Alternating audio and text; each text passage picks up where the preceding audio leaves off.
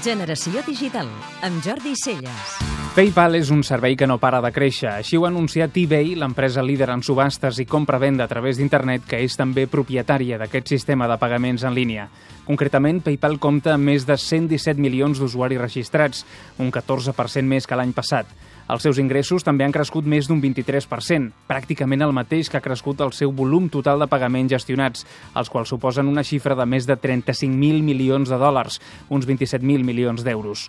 Parts d'aquest creixement prové de l'estratègia d'expansió fora dels canals basats en la web i els seus serveis. PayPal treballa directament amb les botigues, fent servir els punts de venda existents i, a més, fa uns mesos que va presentar el servei PayPal Here, que permet fer cobraments amb targeta de crèdit només comptant amb un telèfon mòbil i un petit dispositiu.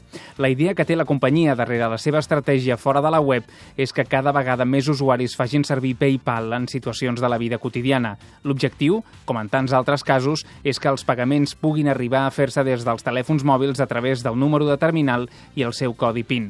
És en aquest punt on es troba lluitant amb els grans de l'economia digital com Google i el seu Google Wallet o amb empreses innovadores sorgides del capital risc com Square. També serà interessant veure quin paper hi acaben jugant els grans del sector financer i del crèdit. Visa i Mastercard estan compensant estratègies pròpies amb acords amb les empreses tecnològiques i els bancs s'ho miren cada vegada més a prop. I en tot aquest entorn, la ciutat de Barcelona en serà un banc de proves gràcies a la capitalitat mundial del mòbil i el Mobile World Congress.